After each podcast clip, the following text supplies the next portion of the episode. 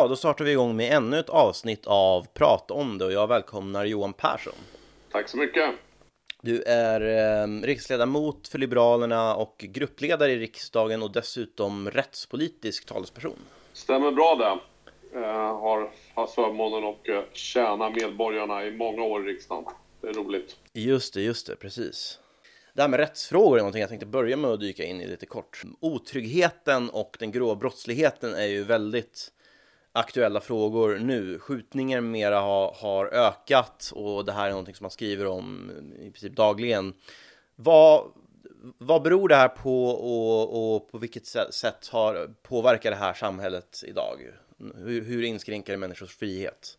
Det tar ju bort människors livschanser. Människor blir rädda, människor blir de facto skadade, i värsta fall dödade. Det, då försvinner ju alla livschanser så sett. Så det är klart att man har ju tyvärr flera områden som kallas särskilt utsatta av polisen där, där det finns eh, nästintill parallella rättsordningar. Den svenska staten har trädit ut och någon annan rättsordning har trädit in. Och det manifesterar sig då genom våldet, eh, de här gängbildningarna, det manifesteras genom att eh, visst, både, eh, det, det sköts gränskontroller av kriminella gäng och så vidare. Det är en en eh, ganska allvarlig utveckling om man ser det ur ett frihets och rättsstatsperspektiv.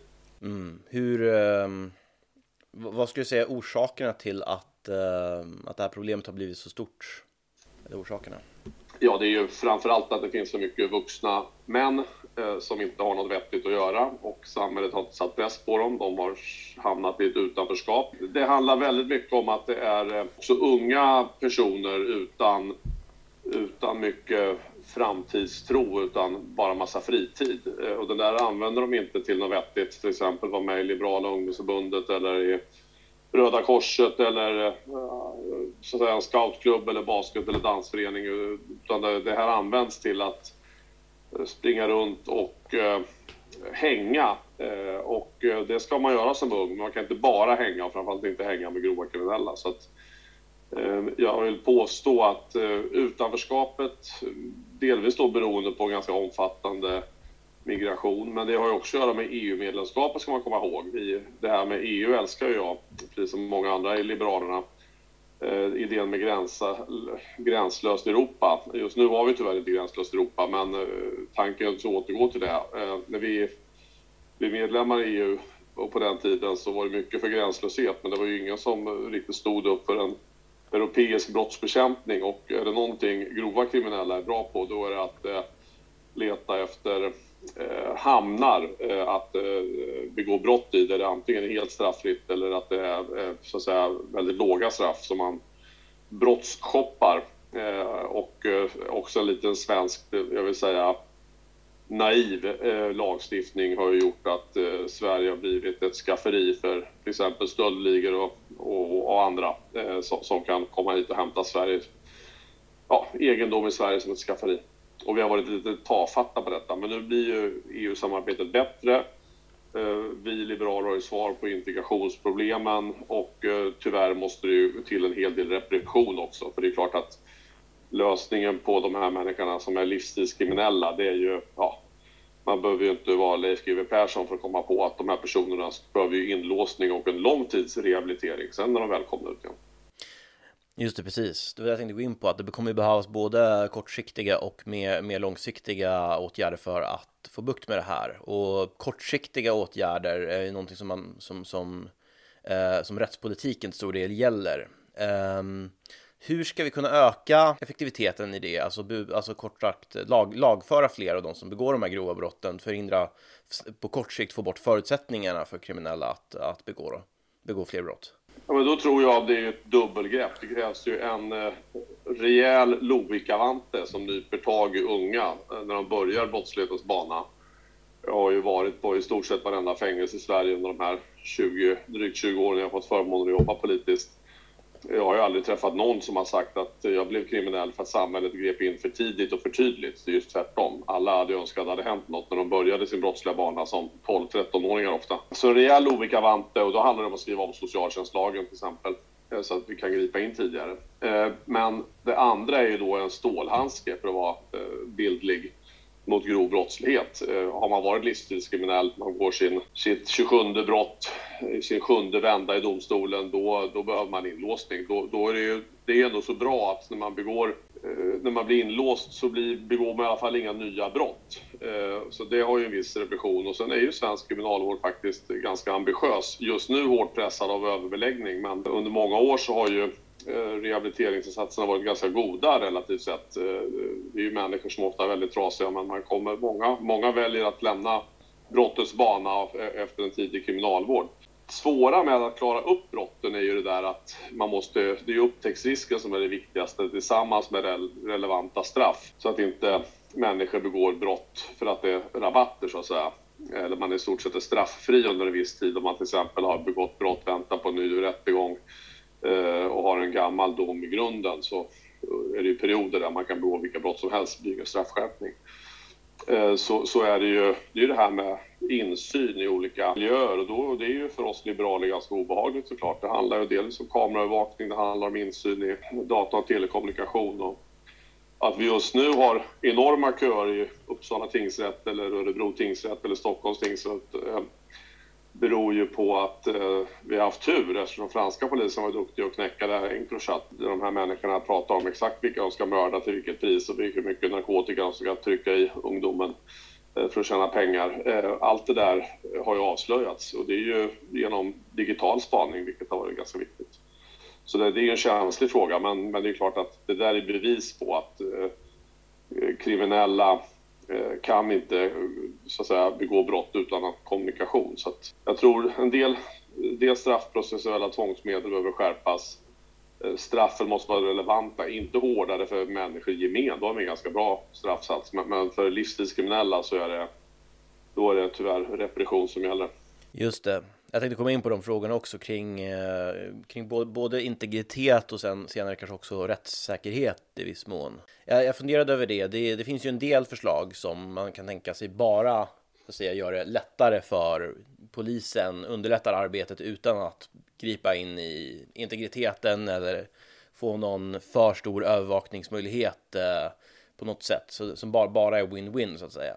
Jag tänkte höra där om du har några sådana förslag som behöver göras också. Jag såg till exempel du skrivit tidigare i en artikel, det gäller just, det gäller lite mildare kan man kanske säga brott då, eh, om ekonomisk brottslighet, att om man skulle ha ett jag tror du föreslog ett gemensamt transaktionskonto för att eh, ja, mildra eh, möjligheten till att, att svindla helt enkelt och att få ut felaktiga bidrag utbetalda. Det ser man Absolut. Ja, ja. Det, det, finns ju en statlig utredning som har pekat på det här att man behöver få bättre grepp över statens utskjutning av pengar. Vi har ju en bra myndighet som folket älskar, även om några tycker att skatterna är för höga, så är det Skatteverket. De har gjort en resa till att vara en fantastiskt fin myndighet och för många även i, i deklarationstider som vi är inne i just nu. Eh, men vi borde ha en, och de ansvarar för alla skatter. Det är in med kommunalskatt och in med moms och in med punktskatt och in med kapitalskatt och reavinster och allting det är, självklart ska vi ha ett, eh, en gemensam utbetalningspunkt. Flera myndigheter får vara ansvariga för att skicka ut ersättningar eller för den delen bidrag eh, till, till människor som, som har rätt till dessa, eh, oavsett om det är socialförsäkring eller om det är som sagt direkt understöd eller bidrag. Och det vore ju jättebra. Det kan ju inte vara ett dugg integritetskränkande att staten vet vem som får pengarna och varför. Det är ju, det är ju det skulle ju minska förmågan hos grova kriminella att tömma LSS-systemet på pengar eller lönegarantin vid konkurser eller vad det nu kan vara. Så det vore ju grymt bra, tycker jag. Ja, det, där vill man ju verkligen ha ett verktyg som gör att man kommer åt just de som missbrukar enbart och inte behöver skärpa det för de som faktiskt ska få det. För det är ju det är en oerhört viktig att, att, de, att de inte hindras, eh, att det, försvår, att det försvåras orimligt. Men eh, om man däremot kollar på till exempel just eh, spaning på kommunikationer och liknande, alltså säga att ja, du, du kan granska miljöer och så vidare. Där finns det ju en del som har oroat sig mer över eh, ja, integriteten, säkerheten i privata konversationer och så vidare. Det kan ju, det kan vara mer också en så här, om, om man granskar just där de kriminella eller eh, skäligt brottsmisstänkta då kommunicerar så är det ju inte någon större fara, men det det man är orolig för är väl dels om det går ut över fler personers kommunikation eller om det öppnar upp för ja, ändamålsglidning eller gråzoner i det där. Vilka typer av sån, sån insyn är det man behöver och hur ska vi liksom kunna navigera i, den, i de, de målkonflikterna? Det finns ju en integritetsskyddsnämnd som har insikt i den, insikt i den hemliga övervakningen i Sverige, Sion. Eh, och det är viktigt att den får jobba, för det, det, är ju självklart så att all övervakning, framförallt då om den är riktad, oberoende på vilken misstankegrad man kräver, så innebär ju det att uh, oskyldiga människor kan också komma att uh, ja, avlyssnas. Man, ja, alla vet ju inte vad alla håller på med och därför ska jag, om jag ringer på ett Blocket-annons för att köpa en cykel, just då ska man ju vara försiktig för de är ofta stulna, åtminstone i Örebro. Jag tror det kan gälla Uppsala också. Eh, så det är klart att eh, mitt samtal med den säljaren, eh, det kan ju vara en person som säljer alla möjliga saker, både handgranater och vapen och narkotika och cyklar. Och det är klart att om den personen spanas på så tror jag jag drabbas om jag är lite sugen på att köpa en gammal, en gammal cykel av någon. Så att då, då, då kränks ju min integritet även om man inte spanar mot mig.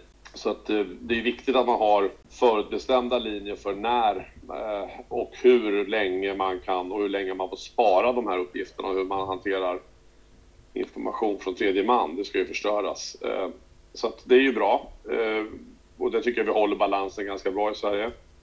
Sen är frågan hur länge man ska spara information. Det är ju intressant att när ska man kunna i efterhand begära ut information? Om du jag nämnde deklaration och Skatteverket. Man är skyldig att spara deklarationer ganska länge eftersom staten har rätt att gå tillbaka historiskt och granska det som tidigare varit godkänt eh, så kan man släppa fram eh, företags bokföring ganska många år tillbaka för att eh, efterhandsgranska om man misstänker helt plötsligt brott. Så kan man upptäcka hur mycket som helst. Och då kommer man till en fråga om teledatalagring som är en fråga som eh, vi idag har ganska snävt begränsad, det vill säga hur länge ska man spara telefonfakturer för Johan Persson? Eh, ditt och mitt samtal nu till exempel eh, och i vilka kanaler och hur länge ska det sparas? Och, ja, förr var det enkelt, då var man ju tvungen att spara telefonfakturer ganska länge i den analoga världen när man kopplade kablar. Nu i den digitala världen så loggas ju det här också och eh, man behöver bara spara teledata en viss tid. Många som jobbar mot eh, övergrepp på barn, som vi i Liberalerna tycker är viktigt exempel, de säger mig till varje gång att ska vi komma åt de här människorna som håller på med våldtäkter på barn systematiskt världen över i denna underbara digitala värld så måste vi mm, ålägga operatörerna att spara teledatan ganska, ganska mycket längre, åtminstone något längre för att kunna bekämpa brott mot barn. Och det är en, det är en avvägning vi får göra som lagstiftare då. Ska vi skydda barn eller ska vi se till att Johan Perssons telefonfakturer bara finns kvar 6 månader eller ska de finnas kvar 12 månader eller ska de finnas kvar 18 månader? Så här, vem har jag ringt och, och hur länge? Det är den frågan, aldrig vad som har innehållit. Så att det här är ju mycket, mycket svåra frågor och man ska ju inte tro någonting annat än att eh, det är viktigt med, med en balans mellan integritet och effektivitet. Mm. Nej, precis, det är den svåra biten där att, att nästan alltid när man ställer emot de konkreta vinsterna av, av sådana här insatser så Ja men det, det kan ju vara att just att du, du upptäcker en serieförövare gällande barnpornografibrott så, så, kan, så kan ju det få de flesta andra eh, concerns att blekna men, men precis som du säger så, så är det viktigt att det krävs en balans där därför att det handlar ju om, om till slut att det blir en för, allt för svepande insamling. Um, men fler poliser är väl också en fråga som Liberalerna driver rätt hårt.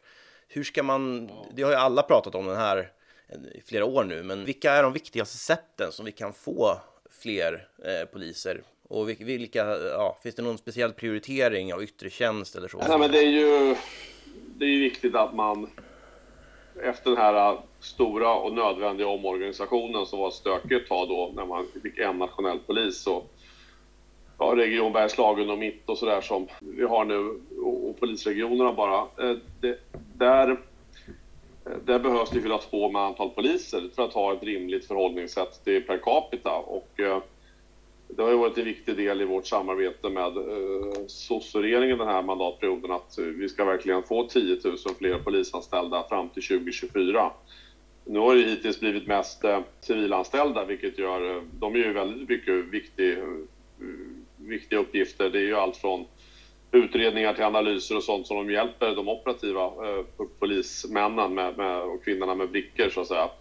Eh, men vi har ju aldrig haft fler poliser än idag och de kommande åren så kommer det åtminstone 5 000 och för Liberalerna gärna 6 och 7 8 000 fler poliser för att kunna jobba förebyggande. För det är ju det är viktigt att polisen också syns ute i, i hela vårt land.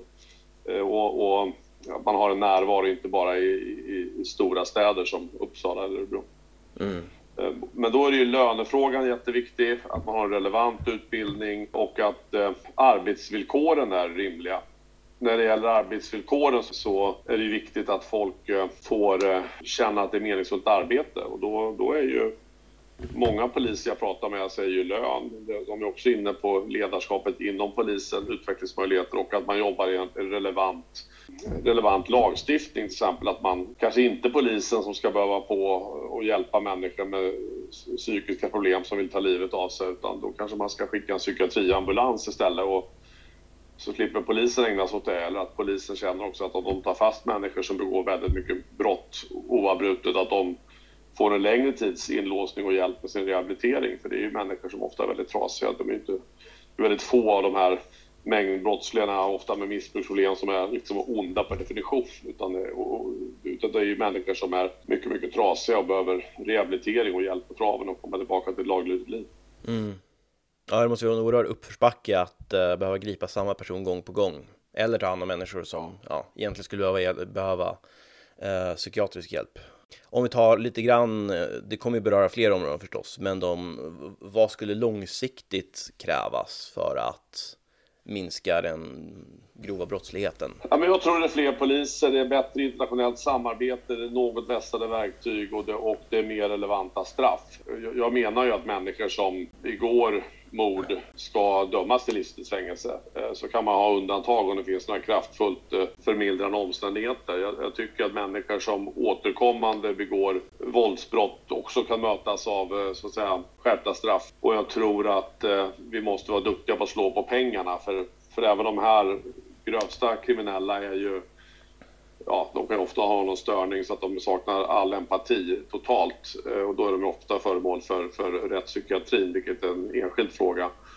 Det är en annan fråga egentligen än straffsystemet eh, i stort. Och eh, då, då, då behöver man se till att det är väldigt svårt att vara eh, kriminell. Eh, det, det ska vara lätt att göra rätt och svårt att göra fel. Det gäller ju det är den mest basala uppfostringsregeln som finns av små barn. Det gäller också vuxna människor. Ja, och kriminella förhåller, förhåller sig för, för, förstås till det också, till strafflängd och risk, risk för upptäckt. Och något som jag har tänkt på också är just eh, straffen för att, eh, att förhindra ordningsmakten eller, eller våld, våldsamt motstånd mot poliser och liknande, eller hot, hot och så vidare det är ju också ett stort problem om man kan komma undan det utan större konsekvenser, för det är ju något som verkligen lamslår hela, hela rättskedjan. Ja, nej, men det, vi har ju pekat på det. Vi har ju tagit fram ett eget 34-punktsprogram i Liberalerna där en hel del saker möts med den här kniptången med Lovikkavanten och med stålhandsken. Där vi både förebygger med kraft eh, men också slår till hårt mot de som är inom närtid förlorade så att säga och behöver in på anstalt. Där, där är ju också en, en del det här med, med ohörsamhet på ett ordningsmakt. När polisen ska göra ett ingripande så är det ju de flesta människor är jätteglada och tack, tacksamma att polisen kommer men så ja, samlas det ett eh, gäng av allt annat än begåvningsreserven eh, runt de här poliserna och olustar och eh, ägnar sig åt att trakassera polisen och mest vara intresserade av att filma. Det är klart att där, när de attackerar polisen, att, att filma polisen är helt okej. Okay. Polisen filmar sig själva numera dessutom ofta mm. med personkameror. Eh, så, så är det ju bra att de, man får en påföljd för det som är relevant. Man, man ska inte jävlas med polisen, man ska, man ska hjälpa polisen. Yes. Jag tänkte försöka hinna med ett par korta frågor om partiet just nu. Eh, ja. kan ju testa om vi hinner. Gärna. Väldigt mycket medieutrymme ägnas just nu åt eh, regeringsfrågan. Jag tänkte kolla om du vill nämna kort vad du tycker några av de sakpolitiska största vinsterna som Liberalerna hade under alliansåren och sen några av de största fördelarna som vi har uppnått under januariavtalet nu. Mm. Ja, men jag tycker skolan var väldigt eh, viktig. Eh, så att säga, vi gjorde enormt mycket reformer under åtta år i alliansregeringen mellan 06 och 14. Eh, och det ser vi idag att det är ju ingenting som någon backar ifrån utan vi har ju snarare fortsatt under eh, januariavtalet att eh, ytterligare fokusera på ordning och reda, stärka eh, lärarnas roll genom, vi försökte det här med lärarassistenter bland annat eftersom det är som brist på lärare. Tidigare betyg eh, och eh, så att säga allt från att stärka kunskapsmålen på olika sätt också exempel genom studentexamen. Allt det där har ju varit väldigt viktigt. Det har ju fortsatt från alliansen in i januariavtalet. Men den resan har ju bara börjat. Man brukar prata om att den svenska skolan behöver asenifieras, det vill säga det måste bli betydligt mer stöd och hjälp för att unga ska få de kunskaper. Det är liksom inget fritt valt arbete, det handlar inte om det är roligt eller inte det är bra om det är roligt, men det handlar om att ge unga människor i Sverige livschanser, dels som individer men också att ja, Sverige ska bli starkt. Då är det ju kunskap som räknas. Sen tycker jag att vi under Alliansen gjorde mycket bra på, på andra områden. Jag tyckte vi var tydliga i utrikespolitiken. Jag tyckte att eh, Alliansen var duktig i, i, i arbetslinjen, att förstärka vikten av att människor ska arbeta. Och eh, det är ju väldigt lite som också där har ändrats av dels regeringen, eh, när de lutar sig mot Vänsterpartiet och Miljöpartiet så var det marginella skattehöjningar trots allt. Och nu har ju vi stoppat alla tankar på grova skattehöjningar på arbete i januariavtalet. Vi har stoppat socialismen så att säga. En viktig bra sak med januariavtalet som folk glömmer bort i det svåra parlamentariska läget. Men eh, arbetslinjen och skolan tycker väl jag har varit de eh, de, de främsta framgångarna. Vi kom inte lika långt på de satsningar vi hade önskat på omsorg och på sjukvård. Där, där, där står vi och stampar lite i Sverige fortfarande, vilket också pandemikrisen har visat i allmänhet och i synnerhet på, kanske inte på sjukvården så mycket, för den har verkligen hållit trycket på ett imponerande sätt, men, men, men människorna som hade ett uppdrag att vårda och ta hand om våra äldre, eh, inte våra äldre utan äldre människor, för mm. Eh, vi är liberaler trots allt. Eh, där, där de var för oskyddade. Så där, där behöver ju reformagendan växlas upp för, för en fungerande bra omsorg. Just det, just det. Um, om vi ställer frågan så här, nu har vi ju uh, de senaste dagarna fått nytt förslag från partistyrelsen som är på väg till partirådet som då handlar om att eh, Liberalerna söker, skulle, ja, Huvudinriktningen är att, att, gå för en borgerlig regering efter nästa mandatperiod och eh, vi, att vi är beredda att söka sam, samarbete, stöd från, från samtliga partier i riksdagen, prata med i alla fall, som jag tolkat förslaget. Så det jag frågar fråga är bara ungefär, vilka ser du som huvud, de, de viktigaste reformerna, områdena att få igenom nästa mandatperiod och varför är det här en, en bra lösning för att, för att få det? Jag tror att det är en bra lösning för att eh, de samhällsproblem som ja, vi delvis har pratat om hittills, inte minst brottslighet, eh, kräver ganska radikala eh, åtgärder. Dels vad det gäller det förebyggande. Jag tycker att det finns goda förutsättningar att få till ett rejält eh, förortslyft eh, tillsammans med, eh, ja, inte minst Moderaterna och Kristdemokraterna. Eh, jag tror så att säga det förebyggande som jag är inne på, men själva brottsbekämpningen kräver detta, integrationen kräver detta. Jag tycker att, så att säga, företagsfrågorna kräver detta. Eh, så att säga, de välståndsskapande krafterna är ingenting som trivs bäst i ett rött landskap. Vi, vi behöver stärka entreprenörskapet, vi behöver stärka eh, politiken för små och medelstora företag. Dels för att också bryta det här integrationsfrågan. Liksom. Det är ju människor måste ju komma i jobb, antingen som soloföretagare med schablonbeskattning eller ett marknad för jobb som, som växer. Och idag har vi ändå den högsta arbetslösheten på 25 år. Det är ju, här kommer inte socialistiska partier framåt någonsin, utan det, det går eh, åt fel håll. Så att för, för, för jobben, för fortsatt skolutveckling, för integration, för brottsbekämpning, eh, men, men också för att det finns en insikt, tycker jag, hos eh, fler partier, eh, om vi tittar på Moderaterna och Kristdemokraterna, att fokusera på statens, inom välfärden, dess kärnuppgifter, att det ska, det ska funka med polis, det ska funka med sjukvård, det ska funka med äldreomsorg. När det funkar, då blir allting annat också viktigt. Vi... Eh, men, men det, finns, ja. det finns utmaningar också såklart. Det är, de här partierna är ju inte, de är inte, alla är ju inte liberaler tyvärr. Nej, verkligen inte. Och det ingick väl också i beslut, eh, beslutförslaget att vi ska ha röda linjer och att inte kompromissa med vissa liberala grundvärderingar i några sådana samarbeten. Ja, men så är det ju, för det är klart att det, det här med eh, både en stark eh, oberoende kultur, jag älskar ju public service, många med mig, Liberalerna, eh, synen på oberoende media, eh, synen på eh, oberoende rättsväsende i alla delar är ju jättecentralt. Men, men det känns inte som att det är något hot under Moderaterna som jag känner dem. Nej. Det här med, med, med public service får vi kanske ta en längre debatt om någon gång. Men eh, jag tror att vi har nått, eh, nått eh, din sluttid. Ehm, ja, stort tack. Men stort tack för att du ställde upp och var med. Väldigt intressant att få dina svar. Ja, mycket kul att vara med. Tack för att jag fick. Ha det bäst. Yes. Vi hörs Oskar. Toppen. Tja.